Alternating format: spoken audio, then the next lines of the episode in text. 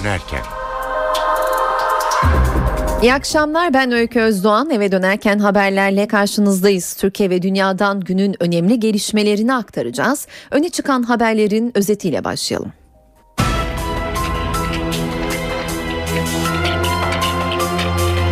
Çözüm sürecinde kritik gün. Başbakan kurmaylarıyla demokratikleşme paketine son şeklini veriyor. BDP heyeti ise bir kez daha İmralı'ya gitmeye hazırlanıyor. Paketin talepleri karşılayıp karşılamayacağı tartışılırken DTK eş başkanı Ahmet Türk ana dilde eğitim taleplerini yineledi ve buna dikkat çekmek için yeni eğitim yılının ilk haftasında okulların boykot edileceğini açıkladı. Amerika ve Rusya Suriye için Cenevre'de masaya oturdu. İlk gün görüşmeleri yapıcı geçti. Krizin çözümünde diplomasi seçeneği kuvvetleniyor. İstanbul'da doğal gaza dolar ayarı artık doların hareketi faturaya yansıyacak. Ve yaklaşık bir yıl süren çalışma tamamlandı. Taksim Meydanı yayalaştırma projesi hayata geçti. Taksim artık yayaların.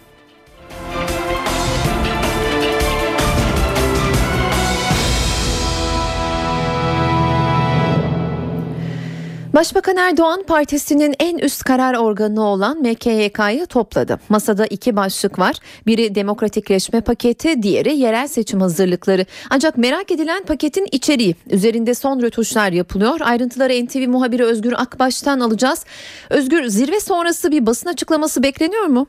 AK Parti'nin en önemli karar organlarından Merkez Karar Yönetim Kurulu toplantısı Başbakan Erdoğan'ın başkanlığında devam ediyor. Kurulun en önemli gündem maddesi yerel seçimler. Bu anlamda MKYK'nın aday belirleme yetkisini bu toplantıda Merkez Yürütme Kurulu'na yani Başbakan Erdoğan'a devretmesi bekleniyor. Seçim hazırlığı var dedik ama seçim hazırlığının dışında demokratikleşme paketinin de bu toplantıda masaya gelmesi bekleniyor. Başbakan Erdoğan'ın MKYK üyelerine demokratikleşme paketiyle ilgili görüşlerini sorması da bekleniyor. Toplantının ardından aslında AK Parti Genel Başkan Yardımcısı Hüseyin Çelik'in kameralar karşısına geçerek bir açıklama yapması bekleniyordu ama o toplantının da iptal olduğu yönünde bilgiler de ifade ediliyor.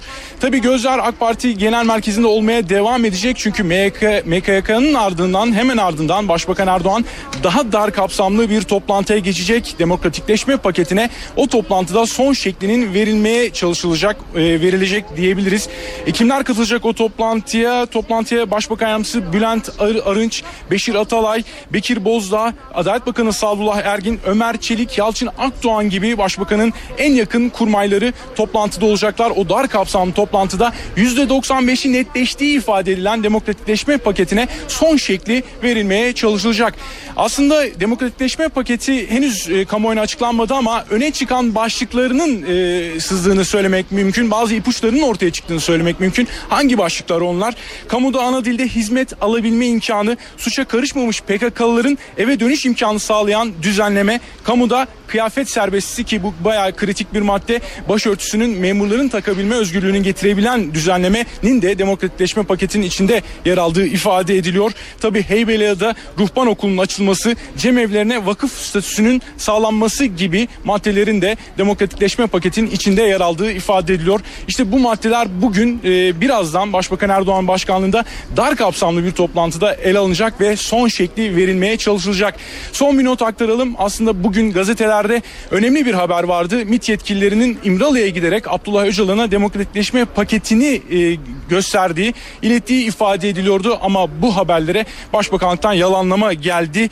Başbakanlıktan yapılan açıklamada demokratikleşme paketinin ilgili makamlar dışında görüşme konusu yapıldığı haberleri tümüyle gerçek dışıdır dedi. Yani MİT yetkililerinin Öcalan'a demokratikleşme paketinin gönderildiği haberleri tamamen yalanlanmış oldu. Evet Gözler AK Parti Genel Merkezi'nde Başbakan Erdoğan birazdan MKYK toplantısını bitirmesinin hemen ardından dar kapsamlı toplantıya geçecek ve demokratikleşme paketine son şekli verilmeye çalışılacak. NTV muhabiri Özgür Akbaş telefon hattımızdaydı. Çözüm sürecinin akıbeti ve demokratikleşme paketinin içeriği konusunda BDP eş başkanı Selahattin Demirtaş'tan açıklama geldi. Demirtaş süreçle ilgili kaygıları olduğunu söyledi. Silahlar bir daha asla kullanılamaz diyemiyorum dedi. Demirtaş var olan durumu değerlendirmek adına hafta sonunda BDP'den bir heyetin İmralı'ya gideceğini söyledi. Bu arada Demokratik Toplum Kongresi eş başkanı Ahmet Türk okulların açılmasına 3 gün kala önemli bir gelişmenin haberini verdi ve ilk hafta okulları boykot edeceklerini açıkladı. Uzun süredir hükümeti bu konuda uyarıyoruz. Yani gidişat iyi değil. Bir daha asla silahlara dönülmez gibi net bir ifadeyi şu aşama itibariyle en azından kullanamıyorum. BDP eş genel başkanı Selahattin Demirtaş, demokratikleşme paketi çalışmalarının tamamlanmamasını eleştirdi. Paketin içeriğinin önemli olduğunu belirten Demirtaş, PKK'nın çekilmeyi durdurma kararının sürpriz olmadığını söyledi. Pratik adım atma konusunda e, son derece ciddiyetsiz bir yaklaşım var. Dolayısıyla bu Kandil'de ciddi bir rahatsızlığa yol açabilir ve süreci zorlayacak, süreci en azından e, tıkanmaya doğru e, götürebilecek bir durum ortaya çıkabilir diyorduk. O nedenle bizim açımızdan şaşırtıcı olmadı. CHP'nin çabalarını önemsediklerini vurgulayan Demirtaş, paketin hükümet ve muhalefetin ortak imzasıyla meclise sunulmasını istedi. Demirtaş, hafta sonu bir heyetin İmralı'ya gideceğini açıkladı. Daha sonra bir heyetin de Kandil'e gönderilebileceğini söyledi. Kuzey Kürdistan Birlik ve Çözüm Konferansı'ndan da 8 maddelik ortak bir bildiri geldi. BTK eş başkanı Ahmet Türk tarafından yapılan açıklamada ana dilde eğitim, seçim barajının düşürülmesi ve Abdullah Öcalan'ın kamuoyu ve halkla iletişiminin önündeki engellerin kaldırılması istendi. Türk, ana dilde eğitim hakkına dikkat çekmek amacıyla eğitim yılının ilk haftası boykot çağrısı yaptı. Türkiye'de yeni eğitim yılının başlayacağı bu günlerde ana dil eğitimin mutlaka gündeme gelmesi ve hükümetin bu konuda olumsuz beyanatlardan kaçınması gerekir. Kürtçe dersleri her alanda işlemesi eylemini tüm halkımızı davet ediyoruz.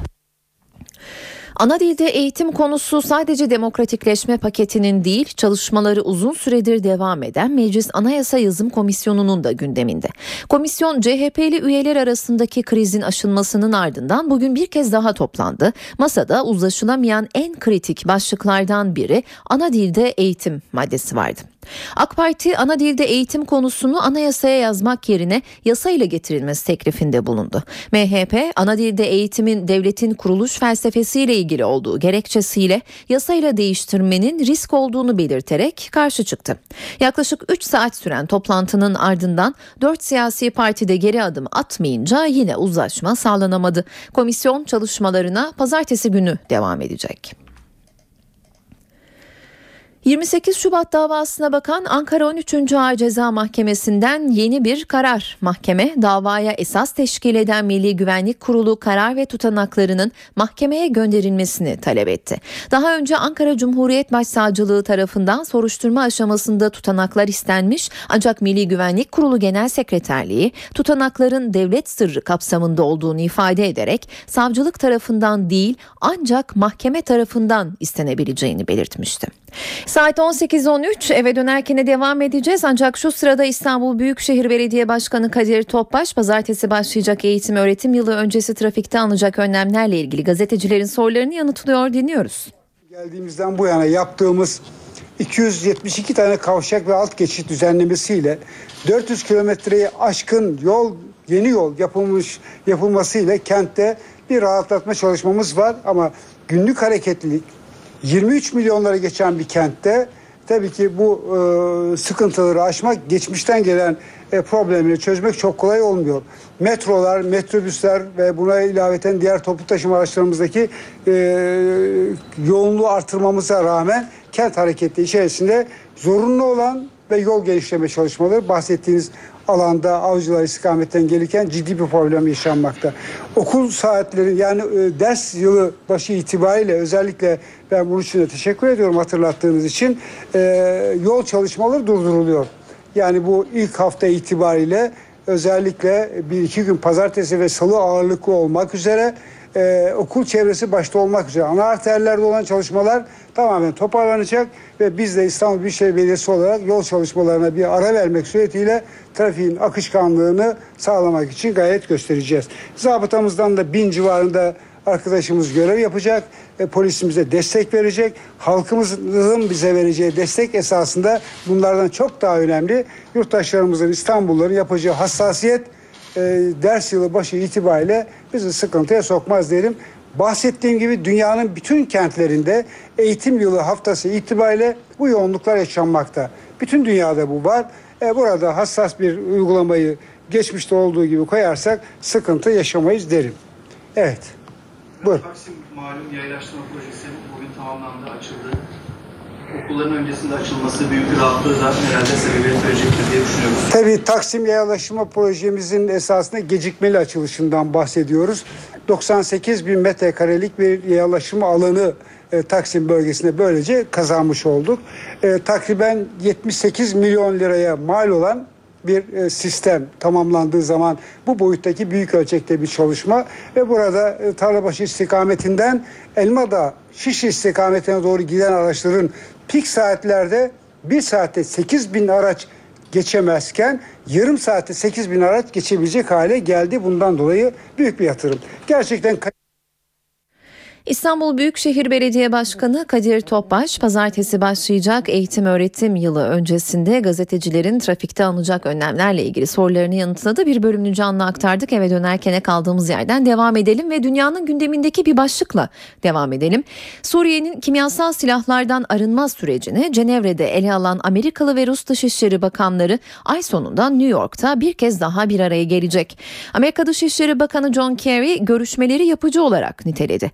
Amerikalı Bakan Dışişleri Bakanı Ahmet Davutoğlu'nun Suriye'nin kimyasal silahları ile ilgili Rusya'nın önerisini kozmetik bir yöntem ifadesiyle değerlendirmesine cevap verdi.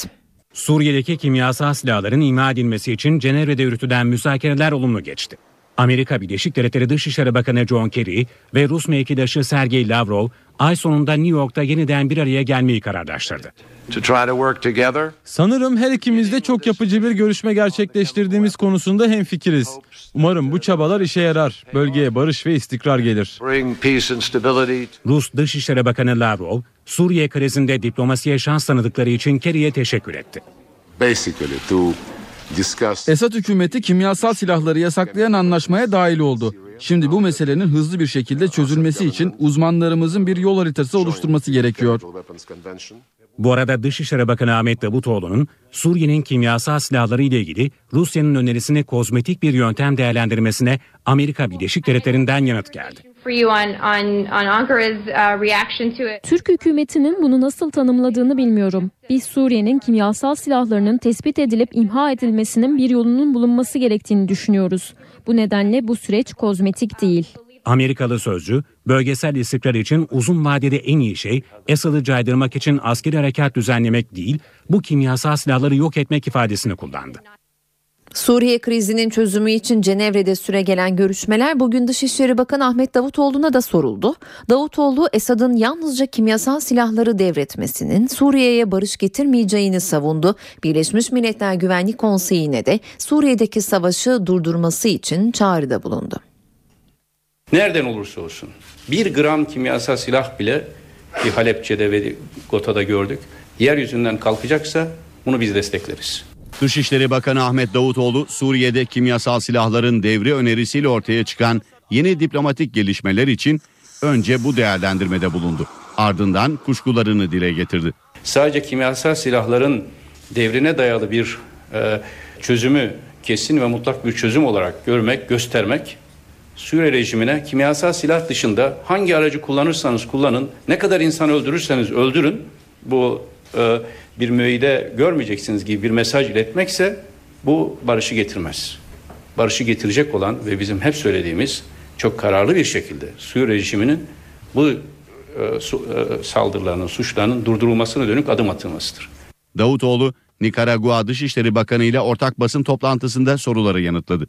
Türkiye'nin savaş çağrısı yaptığı eleştirilerine cevap verdi. Milyonlarca insanın e, mülteci durumunda düşmüşsüne sebep olan bir savaşı durdurun diyoruz. Türkiye hiçbir zaman bölgemizde dış bir askeri müdahaleye davetiye çıkarmadı. Hiçbir zaman savaş çağrısı yapmadı. Hiçbir dönemde, geçmişte de. Fakat uluslararası toplumu hep bu konuda adım atmaya ça- e, çağırdık. Davutoğlu 1700 kişinin hayatını kaybettiği saldırıyı muhaliflerin gerçekleştirdiği ve kimyasal silahı da Türkiye ile Suudi Arabistan'ın temin ettiği iddialarına da yanıt verdi. Bu tür spekülatif haberler maksatlı olarak çıkartılıyor. Türkiye kimyasal silahlar ve kitle imha silahları konusunda bütün uluslararası konvansiyonlara, sözleşmelere taraftır ve bu konuda en titiz uygulamaları yapan ülkelerden biridir.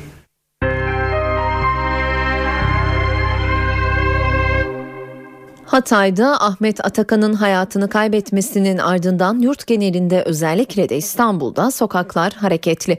İstanbul'da eylemlerin merkez noktası Taksim'den Kadıköy'e kaydı. İlçede bir haftadır her gece geniş katılımlı protesto gösterileri düzenleniyor. İstanbul Valisi Hüseyin Avni Mutlu bugün kameralar karşısına geçti ve bu eylemleri değerlendirdi. Bu olayları Kadıköy bölgesine de sıçratarak oradan toplumsal bir destek alma niyetiyle onu da açıklıkla ifade edeyim.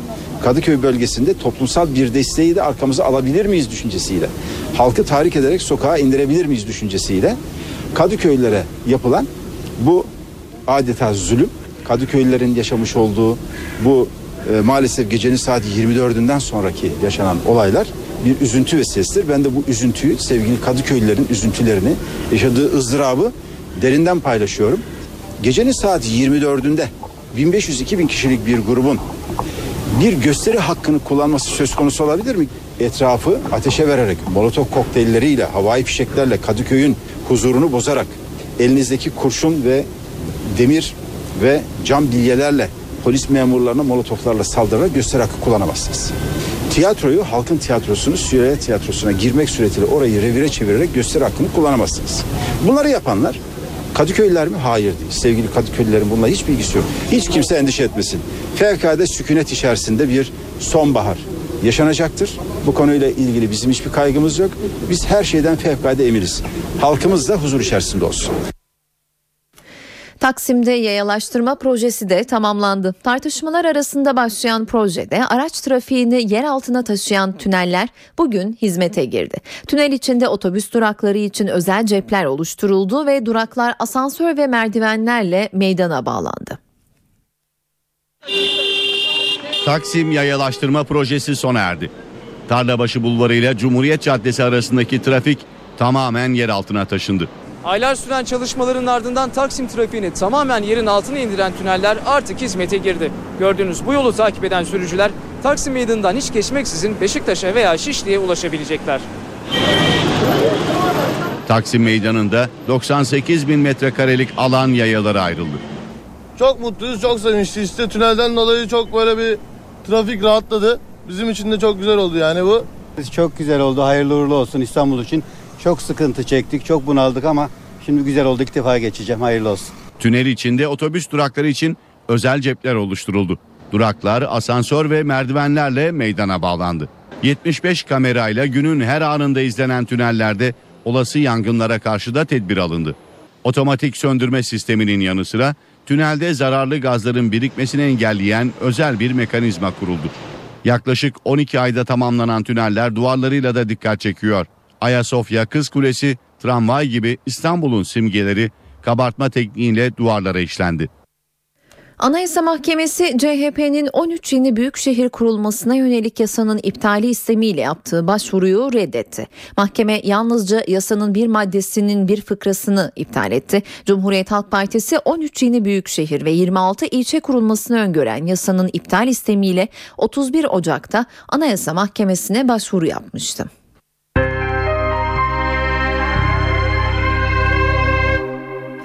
Kış yaklaşırken İstanbulluları yakından ilgilendiren bir haber var sırada. İstanbul'da doğalgazın fiyatına dolar ayarı geliyor. Yeni sistemde İGDAŞ abonelerinin ödediği faturaların %10'u dolara endekslendi. Örnek vermek gerekirse bu ay 200 liralık bir doğalgaz faturası doların %10 değer kazanması halinde 2 ila 2,5 lira arasında artacak. İstanbul'da yaşayan doğalgaz abonelerinin fatura bedellerinin bir bölümü dolara endeksleniyor. Doğalgaz faturalarının %10'luk kısmı yeni dönemde dolardaki değişikliklere göre fiyatlanacak.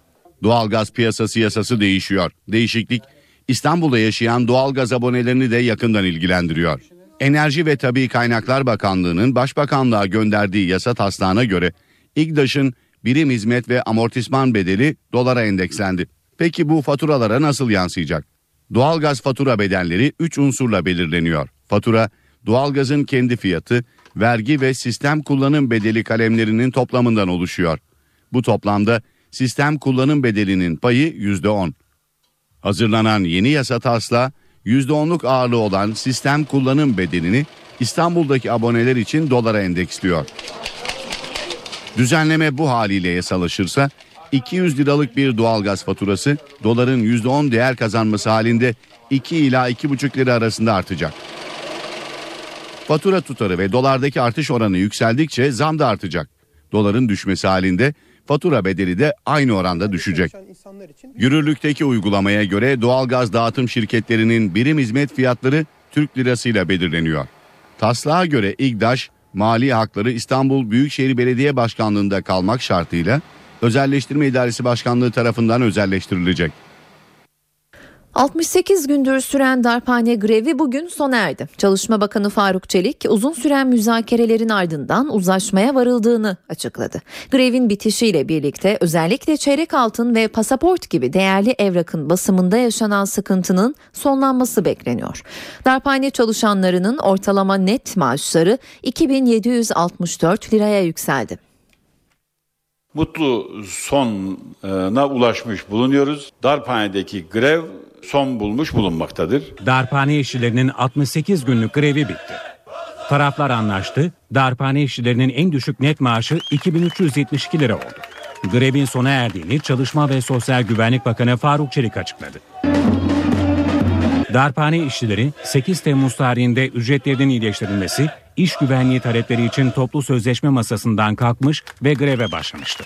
Grevle birlikte özellikle çeyrek altın üretimi ve pasaport basımında bazı sıkıntılar yaşandı. Bir süredir Çalışma ve Sosyal Güvenlik Bakanlığı'nın arabuluculuğunda devam eden müzakerelerde darphane çalışanları istediğini aldı. Cebine girecek olan aylık net ücret 2371.092 TL'ye yükselmiştir. Ortalama net ücret ise 2764 e, TL 60 e, 76 e, kuruşa yükselmiştir. En yüksek net ücret ise 3294 TL'ye e, yükselmiş bulunmaktadır. 68 gün süren darphane eyleminin sona ermesinin ardından gözler çeyrek altın fiyatlarına çevrildi. Bu haberle birlikte piyasa biraz daha rahatlayacak. Piyasada e, grevin bitmiş olmasının psikolojisi fiyatların biraz daha gerilemesinde etkili olacak diye düşünüyorum. Tahmin ediyorum 140 liraya veya 141 liraya kadar düşebilir. Yani bir 4-5 liralık daha bir geri çekilme söz konusu olabilir yeni tarihlerde. Muhtemelen 10 gün içinde piyasalarda e, bu içeride hala 16 tonluk bir e, basılmayı bekleyen Cumhuriyet altını çeşitleri için altın var e, kuyumcu esnafının. E, bunlar 10 gün içinde piyasaya çıkabilir. E, o zaman piyasa e, bu fiyatları biraz daha e, tabii aşağı çekecektir diye düşünüyorum. Grevin bitişiyle birlikte özellikle çeyrek altın ve pasaport gibi değerli evrakın basımında yaşanan sıkıntının sonlanması bekleniyor dedik. Bakalım öyle oldu mu? Yanıtı CNBC'den Enis Şener'demde. İyi akşamlar.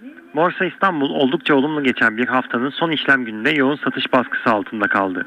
Özellikle ikinci seansta holding hisseleri üzerinde yoğunlaşan satışlar endeksin günü %1,5 düşüşle 71.600 seviyesinden tamamlamasına neden oldu.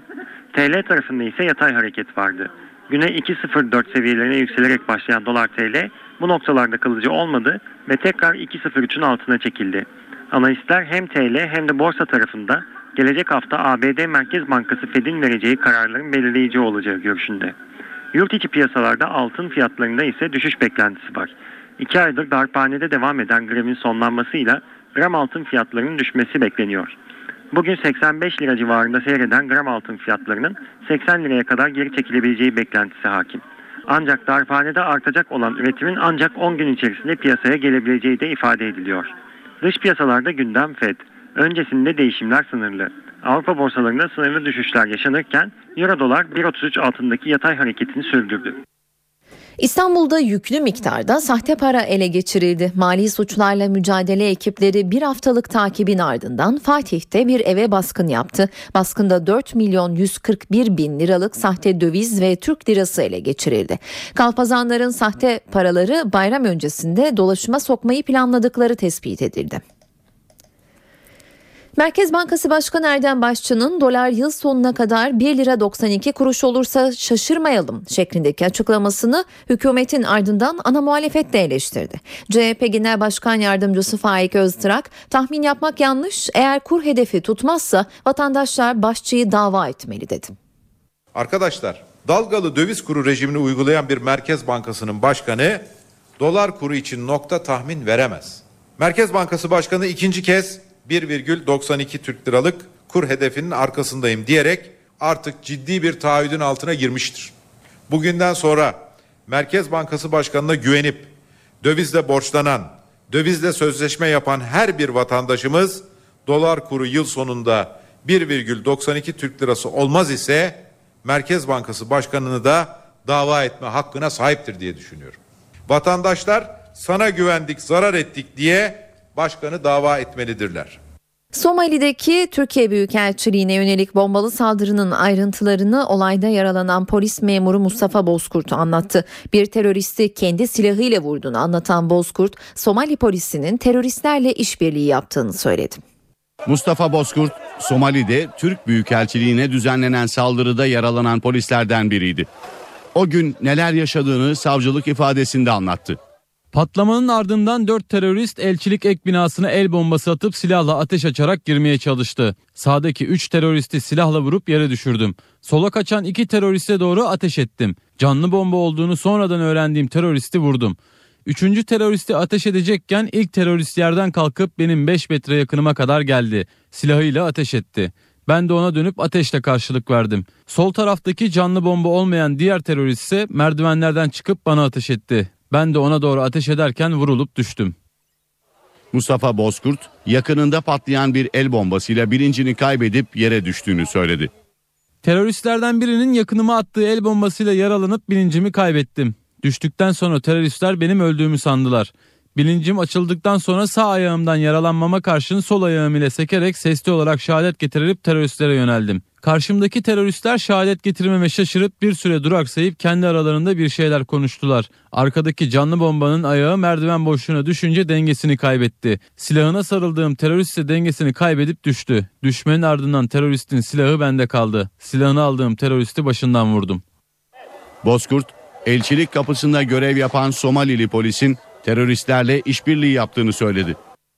Rusya'da yangın faciası. Novgorod bölgesindeki bir psikiyatri hastanesinde çıkan yangında en az 37 kişi hayatını kaybetti. Yangın hastanenin erkekler koğuşunda sabaha karşı başladı ve kısa sürede yayıldı.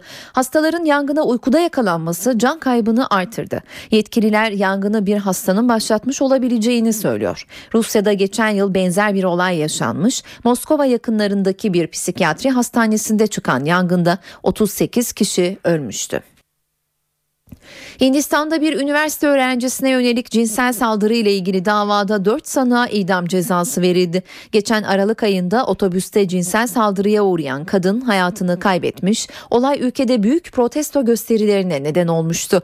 Hem Hindistan hem de yabancı basının yakından takip ettiği davada kararı açıklayan hakim suçlu bulunan 4 kişiye idam cezası verdi. Afganistan'ın Herat kentinde Amerikan konsolosluğuna bombalı saldırı düzenlendi. Saldırının sorumluluğunu Taliban üstlendi. Taliban önce konsolosluğun önünde bomba yüklü bir kamyoneti havaya uçurdu. Ardından da bir grup güvenlik güçleriyle çatışmaya girdi. Çatışmada hayatını kaybeden 3 kişinin Afgan olduğu belirtiliyor. Amerikan Dışişleri Bakanlığı konsolosluk çalışanlarından ölen ya da yaralanan olmadığını duyurdu. Katoliklerin ruhani lideri Papa Francis çarpıcı bir açıklama yaptı ve inançsızların da cennete gidebileceğini söyledi. Papa kaleme aldığı mektuba bunun manevi bir durum olduğunu ve Tanrı'nın merhametinin sınırsız olduğunu belirtti. Katolik Kilisesi'nin ruhani lideri Papa Francis çarpıcı açıklamalarıyla tartışma konusu oldu. Papa, İtalya'nın önemli gazetelerinden La Repubblica'nın kurucusu Luciano Scalfari'nin sorularına yazdığı bir mektupla yanıt verdi. Mektubun öne çıkan başlıklarından biri inançsızlıktı. Papa Francis inançsız insanların da vicdanlarının sesini dinledikleri takdirde cennete gidebileceklerini söyledi. Papa mektubunda bunun manevi bir durum olduğunu ve Tanrı'nın merhametinin sınırsız olduğunu belirtti. Günah Tanrı'ya inanmamak değil, vicdanına aykırı hareket etmektir dedi. Papa Francis'in mektubu kiliseye getirdiği yenilikçi yaklaşımın son perdesi olarak değerlendiriliyor. Zira Papa bundan önce de eşcinsellere yönelik yenilikçi açıklamalarıyla dikkat çekmişti. Bir eşcinsel Tanrı'ya inanıyorsa benim onu yargılama hakkım yok demişti. Enler'in kitabı Guinness yenilendi. Yeni kitapta kaykaycı keçiden topuklu ayakkabıyla koşuya, dünyanın en kısa kadınından en büyük robotuna birçok dikkat çekici rekor var. Guinness Rekorlar kitabına yeni eklenen rekorlar şaşırtıyor. İngiliz Line Franco onlardan biri. Genç kadın dünyanın köprü pozisyonunda yürüyen en hızlı insanı. Aynı zamanda ayaklarıyla çay içebiliyor. Diğer rekorsa bir keçiye ait. Kaykay üzerinde 36 metreyi 25 saniyede tamamlayan sevimli keçi de bir dünya rekortmeni. Bir diğer rekorsa Hindistanlı genç bir kadına ait. Genç kadın 62 santimetrelik boyuyla dünyanın yaşayan en kısa kadını ünvanını taşıyor. 19 yaşındaki genç kadın rekorlar kitabına girdikten sonra Amerika Birleşik Devletleri'ne geldi. Dünyanın en büyük üçüncü yapısı olan Empire State binasında düzenlenen etkinlikte boy gösterdi. Yeni rekorlar bunlarla sınırlı değil. Dünyanın hareket eden en büyük robotundan en küçük köpeğine, topuklu ayakkabıyla en hızlı koşan kadınından dünyanın en küçük aracına kadar birçok rekorda yeni kitapta yer alıyor. Saat 18.40 ben Öykü Özdoğan eve dönerken de günün öne çıkan diğer gelişmeleriyle karşınızdayız. Fenerbahçe Kulübü Başkanı Aziz Yıldırım bugün gazetecilerle buluştu ve futbol camiasını yakından ilgilendiren pek çok konuda mesaj verdi. Özellikle Galatasaray Teknik Direktörü Fatih Terim'le ilgili sözleri dikkat çekiciydi. Ayrıntıları NTV Spor Haber Müdürü Özgür Buzbaş anlatıyor. Bazı gazetelerde e, federasyon başkanı olacağı yönündeki e, iddialar kendisine soruldu. Fatih Terim'le ilgili o da genel kurul eğer karar verirse Türkiye Futbol Federasyonu genel kurulu karar verirse kim kimi isterse seçebilir. Bu, bununla ilgili bizim bir yorum yapmamız çok doğru olmaz. Ancak Fatih Terim de e, federasyon başkanı olabilir. Herkes aday olabilir şeklinde açıklamalarda bulundu. Kendisinin özellikle 2 Kasım'daki e, seçimde aday olup olmayacağı belki de en çok merak edilen konu bu bu konuyla ilgili basın toplantısının başında konuşmak istemediğini belirtti. Herkese açık kapı bıraktı ve isteyen aday olabilir. Burası Fenerbahçe Kulübü 3 Kasım günü bile sabah listenizi verebilirsiniz. O güne kadar konuşmak istemiyorum dedi. Ancak toplantının sonuna doğru gelen soruların arkasından 2 Kasım günü e, toplanacağız. Arkadaşlarımızla karar vereceğiz. Ben 15 yıldır Fenerbahçe Kulübü'ne hizmet ettim. Çok önemli başarılar yaşadım. Başkanlık yaptım. Beni genel kurul seçti. Gönderecek olan yine genel kuruldur. Ben insanların isteği doğrultusunda bu kulüpten ayrılmam. Sadece Fenerbahçe Genel Kurulu beni gönderebilir ve ben de bu koltuğa yapışmadım. Aday olup olmayacağıma ise büyük ihtimalle 2 Kasım'da karar vereceğim şeklinde arkadaşlarımızla oturup konuşup karar vereceğim şeklinde bir açıklamada bulundu ama tam olarak net ifadelerle aday olacağım veya aday olmayacağım şeklinde de bir ifadesi de olmadı Başkan Aziz Yıldırım'ın. Kulübü dışarıdan kesinlikle yönettirmem. Kulübü sadece ben yönetirim ve bu konularla ilgili de kimsenin konuşmasını istemiyorum dedi. Özellikle medyada yer alan eleştirilere de e, bu konuda sert e, bir şekilde yanıt verdi. E, kendisi ve çalışma arkadaşları ilgili e, çıkan haberlerle ilgili e, tabii aslında Aziz Yıldırım'ın, Başkan Aziz Yıldırım'ın e, özellikle parmak bastığı bir konu şikenin kesinlikle olmadığı ve şike yapmadıkları konusuydu. 10 ee, yılda 20 yılda sürse bu konuda aklanmak için bu konunun doğru olmadığını kanıtlamak için uğraşacağım, mücadele edeceğim. Biz şike yapmadık. Bu dava bir şike davası değildir şeklinde altını basa basa birçok yerde bu 3 saatlik süreçte birçok kez ifade etti ve kesinlikle tekrar hapis yatmaktan korkmadığını, 36 aylık bir cezanın da gelme ihtimalinin olduğunu, yargıya güvendiklerini, alınacak kararı beklediklerini 36 ayda e, yeniden hapis yatsa yine de bunu bir pazarlık konusu etmeyeceğini ve şikenin olmadığını kanıtlamaya çalışacaklarını söyledi. Eve dönerken spor gündeminin öne çıkan diğer gelişmeleriyle devam ediyor. Milli mesainin ardından gözler yeniden Spor Toto Süper Lig'e çevrildi. Dördüncü haftanın programı şöyle. Spor Toto Süper Lig'de dördüncü haftanın ilk maçı Cuma akşamı saat 20'de Galatasaray ile Medikal Park Antalya Spor arasında oynanacak. 14 Eylül Cumartesi günü saat 18'de Kayseri Erciyes Spor Akisar Belediye ile karşılaşacak. Saat 20.30'da iki maç var. Gaziantep Spor Çaykur Rizespor'la Trabzonspor'da Kardemir Karabük Spor'la karşılaşacak. 15 Eylül Pazar gününün ilk maçları saat 18'de oynanacak. Gençler Birliği Kayseri Spor ve Sivas Spor Eskişehir Spor maçları saat 18'de başlıyor. Ardından saat 20.30'da pazar akşamı Bursa Spor Beşiktaş'ı konuk edecek. Aynı saatte Elazığ Spor Torku Konya Spor maçı oynanacak. Spor Toto Süper Lig'in dördüncü haftasının son maçı ise 16 Eylül pazartesi akşamı saat 20'de Kasımpaşa ile Fenerbahçe arasında oynanacak. Türk futbolu ve Galatasaray'ın efsane oyuncularından Metin Oktay vefatının 22. yılında kabri başında anıldı. Törene Sarı Kırmızılı Kulübün İcra Kurulu Başkanı Lütfü Arıboğan'la birlikte birçok yönetici katıldı. Taçsız kral unutulmadı. Galatasaray'ın efsane futbolcularından Metin Oktay ölümünün 22. yıl dönümünde kabri başında anıldı. Anma törenine Galatasaray Kulübü 2. Başkanı Özkan Olcay, Yönetim Kurulu üyeleri Sedat Doğan, Necati Demirkol, Emir Sarıgül, Sarı Kırmızılı Kulübün İcra Kurulu Başkanı Lütfi Arıboğan'la Metin Oktay'ın ailesi, sevenleri ve Galatasaraylı taraftarlar katıldı. Metin Oktay Galatasaray'ı Galatasaray yapan işte o İnönü stadındaki meşhur iki direk arasına sıkışmış Galatasaray'ı milyonlara açan insan Metin Oktay. O yüzden kulübümüzün tarihinde herhalde bugün bana göre vefat etmiş olan çok önemli 3 isim var. Bir tanesi kurucumuz Ali Samiyen doğal olarak. İkincisi Baba Gündüz, üçüncüsü de Metin Oktay diye düşünüyorum. Türk sporunda Metin Oktay'ı şu anda hepimize, hepimizin Metin Oktay'a örnek alması lazım. Metin Oktay'ı anmak çok önemli ama Metin Oktay'ı anlayabilmek ondan çok daha önemli. Metin Oktay'ın nezaketini, Metin Oktay'ın centilmenliğini ve Metin Oktay'ın futbolculuk anlayışını hepimizin yeni nesillere aşılamamız lazım. Arıboğansa Metin Oktay'ın isminin uzun yıllar yaşaması için yeni bir proje başlattıklarını söyledi. Rahmetli Metin Oktay da kişiliğinde fair play'i, sporculuğunun yanında fair play'i, e, fair play kavramını birleştirmiş bir insan. Bu nedenle de Galatasaray Spor Kulübü olarak yönetim kurulumuz geçen sene aldığı bir kararla e, Metin Oktay sporda fair play ödü- ödüllerine e, başlattı. E, bunun da çalışması içerisindeyiz. Yakın zamanda bu fair play ödülünü alanı da açıklayacağız. Anma töreni 2. Başkan Özkan Olcay'ın yaptığı konuşmanın ardından sona erdi. Fenerbahçe'de Sova yeniden forma göründü. Teknik direktör Ersun Yanal'la arasındaki buzları eriten Senegalli golcünün Kasımpaşa maçında kadroda olması bekleniyor. Ersun Yanal Musa Sov'u affetti.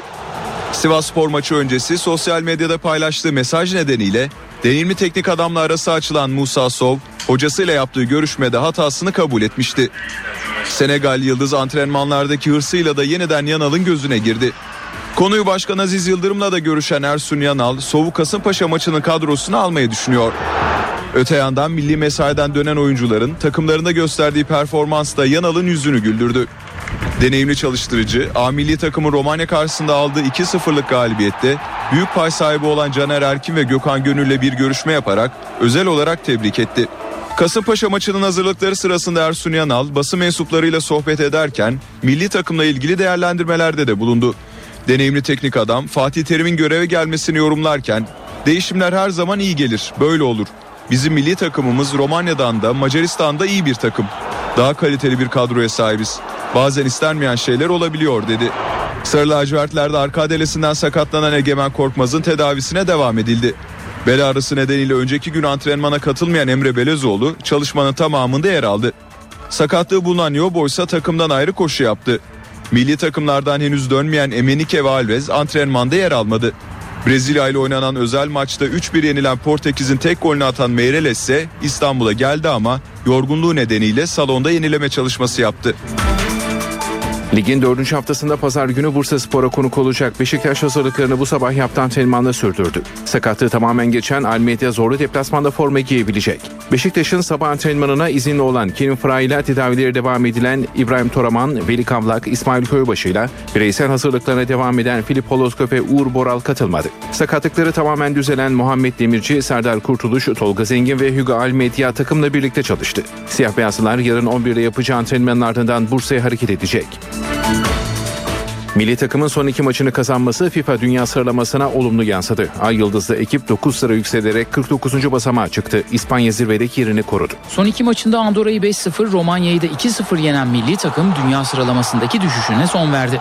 Son iki yılda hem hazırlık hem de resmi maçlarda alınan kötü sonuçların ardından 58. sıraya kadar inen Türkiye, Eylül ayı sıralamasında yükselişe geçti. Andorra ve Romanya galibiyetleriyle ülke puanını 613'e çıkaran milli takım 49. basamağa yükseldi. Ancak sıralamada Costa Rica, Venezuela, Mali, Honduras, Yeşilburun Adaları, Arnavutluk ve İran gibi takımların Türkiye'nin üzerinde yer alması dikkat çekti. Türkiye'nin 2014 Dünya Kupası Avrupa elemeleri D grubundaki rakiplerinden Hollanda 1058 puanla 9. Estonya 405 puanla 88. sıraya geriledi. Macaristan bir sıra yükselerek 744 puanla 30. Romanya 2 sıra atlayarak 739 puanla 31. sırada kendisine yer buldu. FIFA tarafından açıklanan dünya sıralamasında İspanya 1514 puanla ilk sıradaki yerini korudu. 1263 puana çıkan ve 2 sıra yükselen Arjantin Matadorların ardından ikinci basamakta yer aldı. Almanya ise bir basamak gerileyerek 1261 puanla 3. sıraya indi. Dünyanın en pahalı oyuncusu etiketiyle Real Madrid'e transfer olan Gareth Bale ilk açıklamasını yaptı. Galli Yıldız, Şampiyonlar Ligi'ne Galatasaray galibiyetiyle başlamak istiyoruz dedi. Galatasaray'ın Şampiyonlar Ligi'ndeki ilk rakibi Real Madrid'de yeni transfer Gareth Bale ile golcü oyuncu Karim Benzema İspanyol basınına konuştu. Bale ilk demecini Galatasaray maçıyla ilgili verdi. Yıldız futbolcu her takım Real Madrid'i yenmek ister. Biz de sadece Şampiyonlar Ligi'ni değil tüm kupaları kazanmak istiyoruz. Real Madrid gibi takımlar kazanmak için her turnuvada ve her maçta üzerine baskı hisseder. Ama Galatasaray'ı yenerek Şampiyonlar Ligi'ne galibiyetle başlamak istiyoruz ifadelerini kullandı. Sakatlığı sebebiyle uzun bir süre futboldan uzak kalan Bale kendini iyi hissettiğinde sözlerini ekledi. Galli oyuncu bir haftadır milli takımla antrenmanlara çıktım. Madrid'de de Ancelotti beni çok iyi karşıladı. Sadece iki gündür buradayım ama başlamak için hazırım. Umuyorum en kısa sürede takıma girerim dedi. Fransız yıldız Karim Benzema da zor bir grupta olduklarına dikkat çekti. Golcü oyuncu turnuvada her zaman en yükseği hedefliyoruz. Ancak adım adım ilerlememiz gerekiyor. Taraftarımızın da desteğini alarak gruptan lider çıkmak için mücadele edeceğiz diye konuştu. Galatasaray ile Real Madrid 17 Eylül Salı günü Türk Telekom Arena'da karşı karşıya gelecek. Mücadele Star'dan canlı yayınlanacak. Real Madrid yönetimi Arsenal'a transfer olan Mesut Özil hakkında Başkan Florentino Perez'in karalayıcı ifadeler kullandığını yalanladı. Mesut'un özel hayatındaki düzensizlikler nedeniyle Real'den gönderildiğini ileri süren söz konusu gazetede kaynağının Başkan Perez olmadığını açıkladı. Mesut Özil gece hayatına düşkünlüğü, bir kadın avcısına dönüşmesi ve menajerliğini yapan babasının sürekli kulübün kapısını aşındırması nedeniyle Real Madrid'den gönderildi.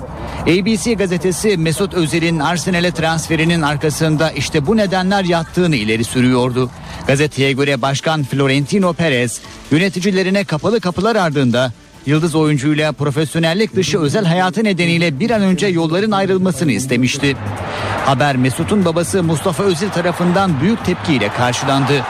Oğlunun adının lekelenmesine izin vermeyeceğini söyleyen baba Özil, Real Başkanı Perez hakkında dava açacağını söyledi.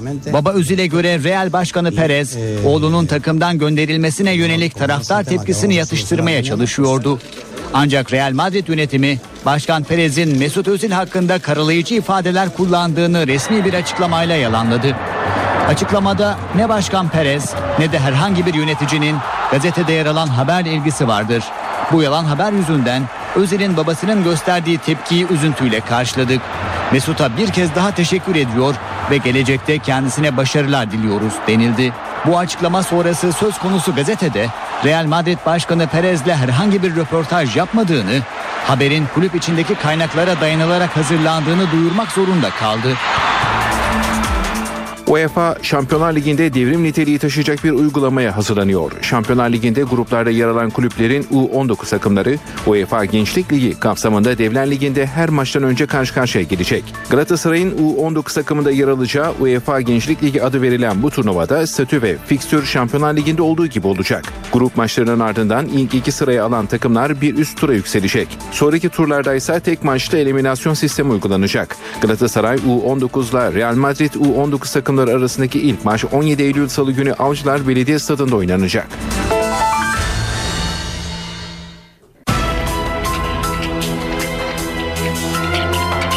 Sürecinde kritik gün. Başbakan kurmaylarıyla demokratikleşme paketine son şeklini veriyor. BDP ise bir kez daha İmralı'ya gitmeye hazırlanıyor. Paketin talepleri karşılayıp karşılamayacağı tartışılırken DTK İş Başkanı Ahmet Türk ana dilde eğitim taleplerini yineledi ve buna dikkat çekmek için yeni eğitim yılının ilk haftasında okulların boykot edileceğini açıkladı.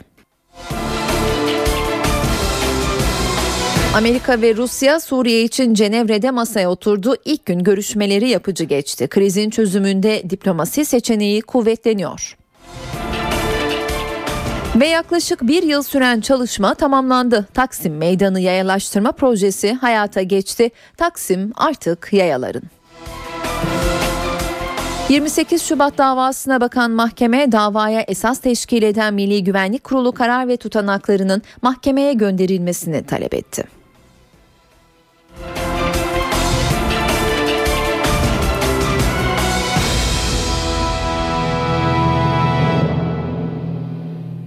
Eve dönerken İstanbul'daki trafik durumuyla devam edelim. Köprülere bakalım. Anadolu yakasından Avrupa yakasına geçişlerde Fatih Sultan Mehmet Köprüsü'nde Ümraniye Elmalı itibariyle oldukça yoğun görünüyor trafik. Köprü girişine kadar devam ediyor. Köprü çıkışında biraz rahatlayan e, trafik Levent'ten itibaren yerini daha akıcı bir trafiğe bırakıyor. Boğaziçi Köprüsü'ne baktığımızda ise Anadolu yakasında Altunizade'den köprü çıkışına kadar çok yoğun bir trafik söz konusu. Avrupa yakasından Anadolu yakasına geçişlere bakalım. Şimdi de Boğaziçi Köprüsü'nde Yıldız katılımı ile birlikte Zincirlikuyu sonrasında gişelere kadar oldukça yoğun görünüyor trafik. Anadolu yakasına geçildiğinde Altunizade'den sonra yerini akıcı bir trafiğe bırakıyor. Fatih Sultan Mehmet Köprüsü'ne baktığımızda ise yine gişelere doğru oldukça yoğun bir trafik olduğunu söyleyebiliriz. Tem bağla Levent'ten bağlantı yolundan itibaren çok yoğun görünüyor trafik. Anadolu yakasında bir trafik kazası bilgisini aktaralım. Göksu Evleri Kavacık yönünde hasarlı bir trafik kazası var. Bu nedenle bölge trafiği yoğunlaşmış durumda. Avrupa yakasında yoğun birkaç güzergah bilgisi paylaşalım. Merter Haliç istikametinde Cevizli Bağ'dan başlayan bir yoğunluk söz konusu. Haliç girişine ve Haliç Köprüsü'nden sonra da devam ediyor bu yoğunluk Avrupa yakasında. Yine bir başka yoğun güzergah iki terli tekstil kent istikametinde Tem Hürriyet karşısından başlayan bir sıkışıklık söz konusu Gazi Osman Paşa'ya kadar sürüyor. Sonrasında Gazi Mahallesi çıkışından Hastal ve Hastal sonrası da Arıcılar Maslak köprü gişelere kadar Fatih Sultan Mehmet gişelere kadar süren bir yoğunluk bu. Yine Avrupa yakasındaki bir başka yoğun güzergah Haliç Merter yönünde Topkapı'dan başlayan bir sıkışıklık söz konusu. Kesintisiz olarak Bakırköy'e kadar devam ediyor bu yoğunluk. Anadolu yakasına bakalım. Sahil kesiminde Kartal Maltepe istikametinde Soğanlık'tan itibaren oldukça sıkışık bir trafik var. Bu trafik devam ediyor. Yine Anadolu yakasında Kartal Gül suyuna kadar. Sonrasında ise nispeten daha akıcı olduğunu söyleyebiliriz. Diğer şeritte aksi şerit şeritte ise koşu yolu e, Göztepe istikametine bakalım ama şimdi D100 Göztepe'den başlayan bir yoğunluk var. Kozyatağı'na kadar sürüyor. Sahil kesimindeki diğer şeride bakalım. Kartal Pendik istikametinde D100 Kartal Yeşil Bağlar'dan başlayan bir sıkışıklık var. Oldukça yoğun görünüyor trafik bu bölgede. Pendik Tersane'ye kadar sürüyor ve son olarak yine Anadolu yakasından Gebze Kurtköy istikametinde bir sıkışıklık var. Bunu da aktaralım. Tem Aydınlı'dan başlıyor bu yoğunluk ve kesintisiz olarak Kurtköy kavşağına kadar devam ediyor. Trafikteki tüm sürücülere iyi yolculuklar dileyelim.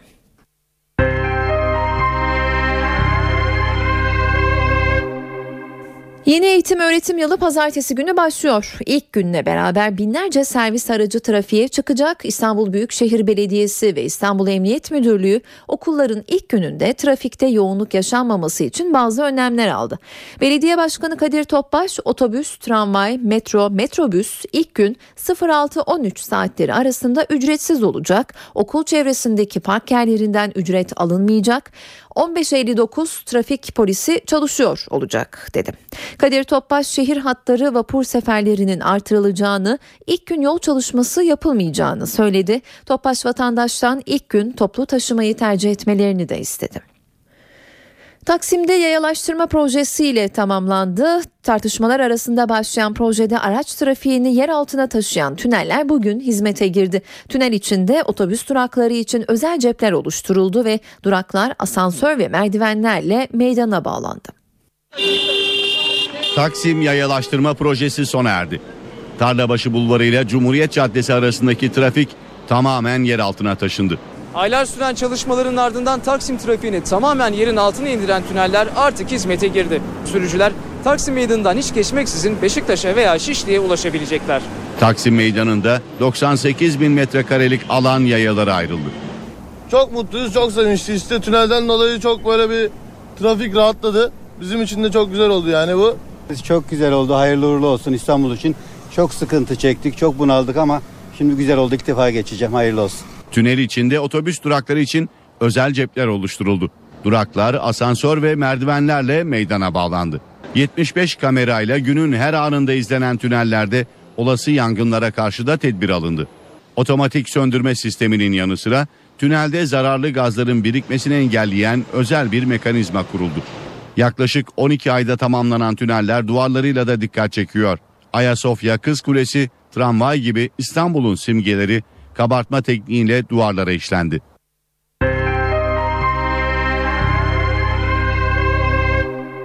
Demokratikleşme paketinde sona gelindi. Başbakan Erdoğan partisinin en üst karar organı olan Merkez Karar ve Yürütme Kurulu'nu topladı. Masada iki önemli başlık var. Biri demokratikleşme paketi, diğeri yerel seçim hazırlıkları.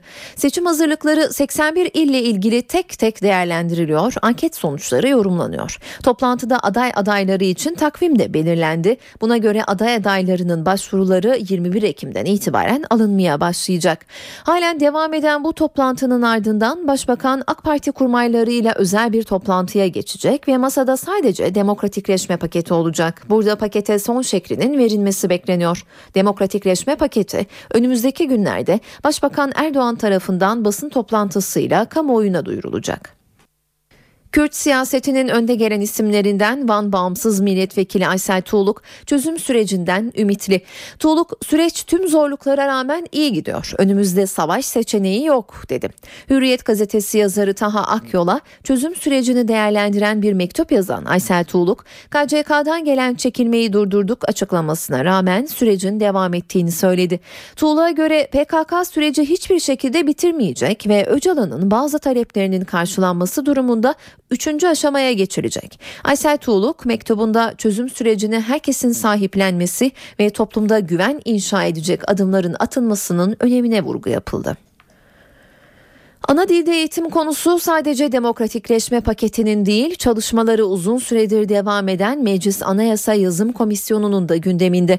Komisyon CHP'li üyeler arasındaki krizin aşılmasının ardından bugün bir kez daha toplandı. Masada uzlaşılamayan en kritik başlıklardan biri ana dilde eğitim maddesi vardı. AK Parti ana dilde eğitim konusunu anayasaya yazmak yerine yasayla getirilmesi teklifinde bulundu. MHP ana dilde eğitimin devletin kuruluş felsefesiyle ilgili olduğu gerekçesiyle yasayla, yasayla değiştirmenin risk olduğunu belirterek karşı çıktı. Yaklaşık 3 saat süren toplantının ardından 4 siyasi partide geri adım atmayınca yine uzlaşma sağlanamadı. Komisyon çalışmalarına pazartesi günü devam edecek. 28 Şubat davasına bakan Ankara 13. Ağır Ceza Mahkemesi'nden yeni bir karar. Mahkeme davaya esas teşkil eden Milli Güvenlik Kurulu karar ve tutanaklarının mahkemeye gönderilmesini talep etti. Daha önce Ankara Cumhuriyet Başsavcılığı tarafından soruşturma aşamasında tutanaklar istenmiş. Ancak Milli Güvenlik Kurulu Genel Sekreterliği tutanakların devlet sırrı kapsamında olduğunu ifade ederek savcılık tarafından değil ancak mahkeme tarafından istenebileceğini belirtmişti. Saatler 19.14'ü gösteriyor. Ben Öykü Özdoğan eve dönerken de günün öne çıkan gelişmeleriyle yeniden karşınızdayız. Yargıtay'ın bozduğu Hrant Dink davası önümüzdeki salı günü yeniden yerel mahkemede görülmeye başlanacak. Öncesinde Dink ailesinin avukatı Fethiye Çetin davada gelinen son noktayı yorumladı. Çetin Yargıtay hem örgüt tanımında hem de örgütün kimlerden ibaret olduğu konusunda yanılgıya düştü ifadelerini kullandı. Bir basın toplantısı düzenleyen avukat Fethiye Çetin gelinen nokta noktanın davanın başlangıcındaki noktadan bile çok daha geride olduğunu söyledi. Avukat Çetin İstanbul 14. Ağır Ceza Mahkemesi'nde önce bize ölümü gösterdiler sonra Yargıtay'ın kararıyla sıtmaya razı ettiler. Fakat bu da basında öyle bir haber olarak sunuldu ki Yargıtay din kararını bozdu ve örgüt var dedi. Büyük olasılıkla 14. Ağır Ceza Mahkemesi bu karara uyacaktır. Yine bu sınırlar içerisinde bu dava yürütülmeye çalışılacak. Belki bu birkaç yıl daha sürecek dedi. Yargıtay Dink cinayetinde örgüt var delil yok diyen mahkeme kararını bozmuştu. Yüksek yargı örgüt var ama terör örgütü değil demişti. Nevşehir'de iki Japon turiste cinsel saldırıda bulunmak ve birini öldürmekle suçlanan Mustafa Volkan Dilaver gerçek zanlı ortaya çıkınca serbest bırakıldı. Ama hem kendisinin hem de ailesinin ağır bir mağduriyet yaşadığından yakınan Dilaver adaletten özür beklediğini söyledi. Japonlara karşı en ufak bir hakarette yani ben bir bayana el kaldırmak değil yani bıçak vurmak değil yani rencide bile edemem yani. Tabii ki özür bekliyorum. Bir Japon turisti öldürmek, diğerini de ağır yaralamakla suçlandı. Yaralı turist tarafından teşhis edilince de tutuklandı. Büyük tepki gördüğü adliye çıkışında dinçten jandarma kurtardı. Nevşehir'de iki turiste yönelik saldırının gerçek faili suçunu itiraf edince serbest kalan Mustafa Volkan Dilaver adalete kırgın. Dedim, suçsuzum dedim inanmadılar. Yani sadece bir arabaya teşhis ederekten yani arabayı görmüşler. Mobese kamerası. E, plakayı çekememiştir. Yani ben dedim ki yani o gün ben şurada şuradayım yani. Petrol ofisindeyim. Kameralara bakın falan. Yani hiçbir şey araştırmadan neden birden suç, suçluymuşsun gibi davrandılar. Yakın arkadaşlarının bile kendisini suçlu görmesine üzülen Mustafa Volkan Didaver yaşadığı zorluğu anlattı. Ailem çok zor durumdaydı, dışarıdaydı. Hani ben de tabii psikolojik olarak çöktüm bir anda. Ne yemek yiyebildim, ne su içebildim. Bıçaklı saldırıda hayatını kaybeden Mai Kurihara'nın cenazesi ülkesine gönderildi. Saldırıdan yaralı kurtulan Hosiye Teramatsu ise 4 günün ardından yoğun bakımdan çıkarıldı. Turistin birkaç gün içerisinde taburcu olması bekleniyor. Pamukkale'de Hierapolis Antik Kenti'nde tarihi yol 30 yıldır üzerini kaplayan asfalttan temizleniyor. 30 yıl önce bu tarihe tarihi yola Kenan Evren'in talimatıyla asfalt dökülmüştü. Denizli Valisi Abdülkadir Demir antik yoldaki temiz çalışmasını anlattı. Hierapolis Antik Kenti'nde 2000 yıllık antik yolun üzerindeki asfalt kaldırılıyor. İş makineleri yola 30 yıl önce Kenan Evren'in talimatıyla dökülen asfaltı sökmeye başladı. 12 Eylül darbesinden yaklaşık bir yıl sonra dönemin Cumhurbaşkanı Kenan Evren Denizli'deki antik kenti gezmeye gitti. Yürürken üniforması toz içinde kalan Evren yola asfalt dökülmesi talimatını verdi. Antik yol 30 yıl asfalt olarak kullanıldı. Denizli İl Özel İdaresi'nin nekropol alanındaki antik yolun ortaya çıkarılması için hazırladığı proje onaylandı. 1670 metre uzunluğundaki antik yolu 30 yıldır üzerine kaplayan asfalttan temizleme çalışmaları başladı. Alta doğru inildiğinde zaman zaman yer yer bir metre dolgular olduğu görüldü. Ve pek çok eserin, pek çok mezarın aslında toprağın altında kaldığı e, ve e, özellikle de e, asfaltın altında kaldığı görüldü. Yolun kaldırımları, kenarında su kanalları e, ve e, çok harika bir antik yolla karşılaşıldı. Asfalt ve üzerindeki toprak kaldırılınca dönemin şehre girişi olarak kullanılan tarihi taş yol ortaya çıktı. Yaklaşık bir 500 metrelik e, asfaltla yapılan yolun e, tamamı kaldırılacak, dolgular kaldırılacak ve yıl sonuna kadar da e, bu yolun tamamı orijinal haliyle, o günkü haliyle ortaya çıkmış olacak. Yol tamamen temizlenip restore edildikten sonra turizme açılacak.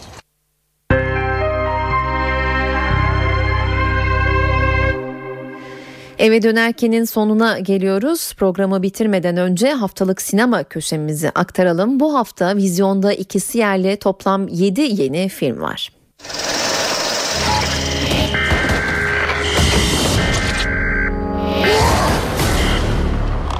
Tonight allows people a release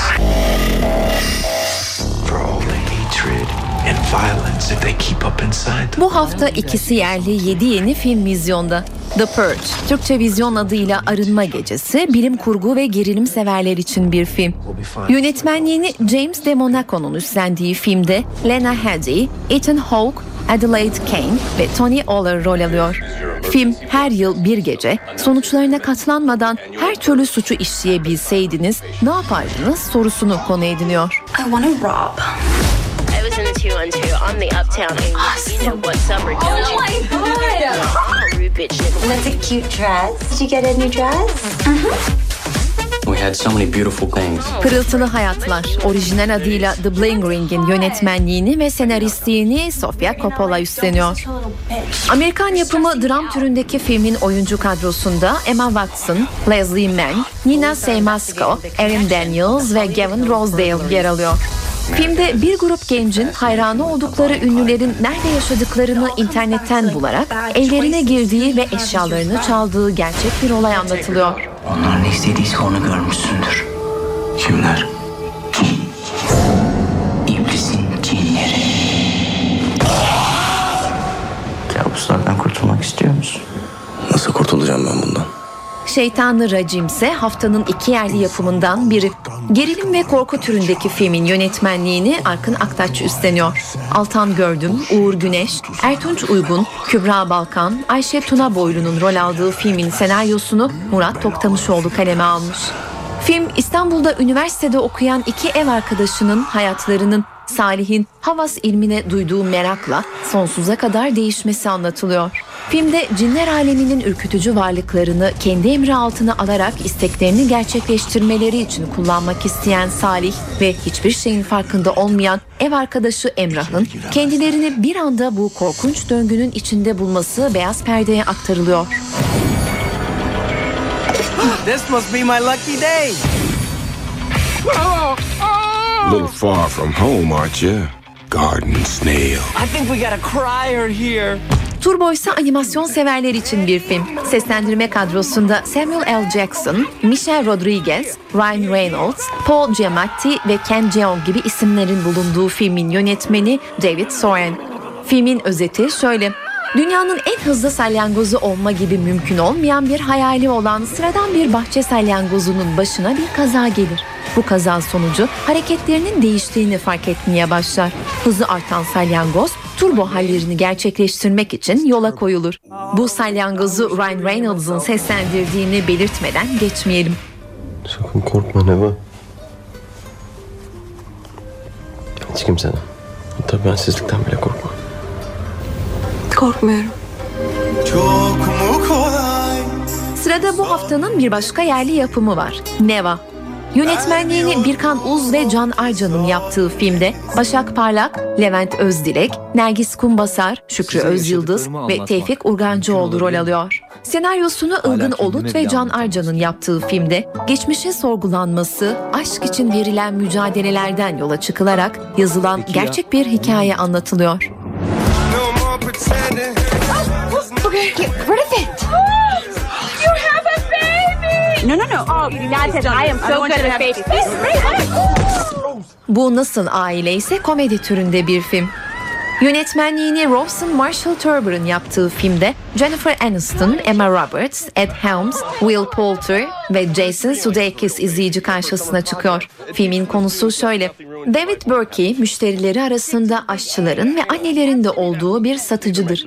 Belirli nedenlerden dolayı göze batmamayı tercih eden David aynı yerde yaşadığı gençlere yardım etmeye çalışınca hiçbir iyiliğin cezasız kalmayacağını öğrenir. Zulasını ve parasını çalan gençler yüzünden David tedarikçisi Brad'e borçlanır. David büyük bir iş yapmak zorundadır ve Brad'in Meksika'dan gelen mallarını almak zorunda kalır. Сами себе подписывали смертный приговор. Что они тебе? Ты с ней спишь? Ты с ней спишь? Да. Fransız yapımı Mobile, dram ve gerilim türünde filmlerden hoşlananları sinema salonlarına çekmeyi hedefliyor. Filmin yönetmen koltuğunda Eric Rochan oturuyor. Tim Roth, Cecil de France, Jean Dujardin gibi isimlerin oyuncu kadrosunda yer aldığı filmin konusu şöyle. Rus istihbarat servisinde çalışan Gregory Lyubov özel bir görev için Monaco'ya gönderilir. Gregory, Monaco'da çalışmakta olan güçlü bir iş adamının yakından takip edilmesi işinde kilit rol oynar. Bu görevin bir parçası olarak Monaco'daki özel bir Rus bankasında çalışmakta olan Alice isimli yetenekli bir finans uzmanı da gizlice görevlendirilir. Ruslar için çalışmakta olan Alice bir Amerikan vatandaşıdır. Gregory'nin görevi ise Alice'ten gizli bir şekilde onun sadakatini ölçmektir. Ancak Gregory görev sırasında gerçekleştirdiği bir hamleyle altın kuralı çiğner ve Alice'le iletişime geçer. Aralarında ikisinin de dibe doğru ilerleyişini hızlandıracak türden bir tutku başlar. All the way around. Böylece eve dönerken programının sonuna geldik. Ben Öykü Özdoğan. Pazartesi aynı saatte karşınızda olacağız. Şimdilik hoşçakalın.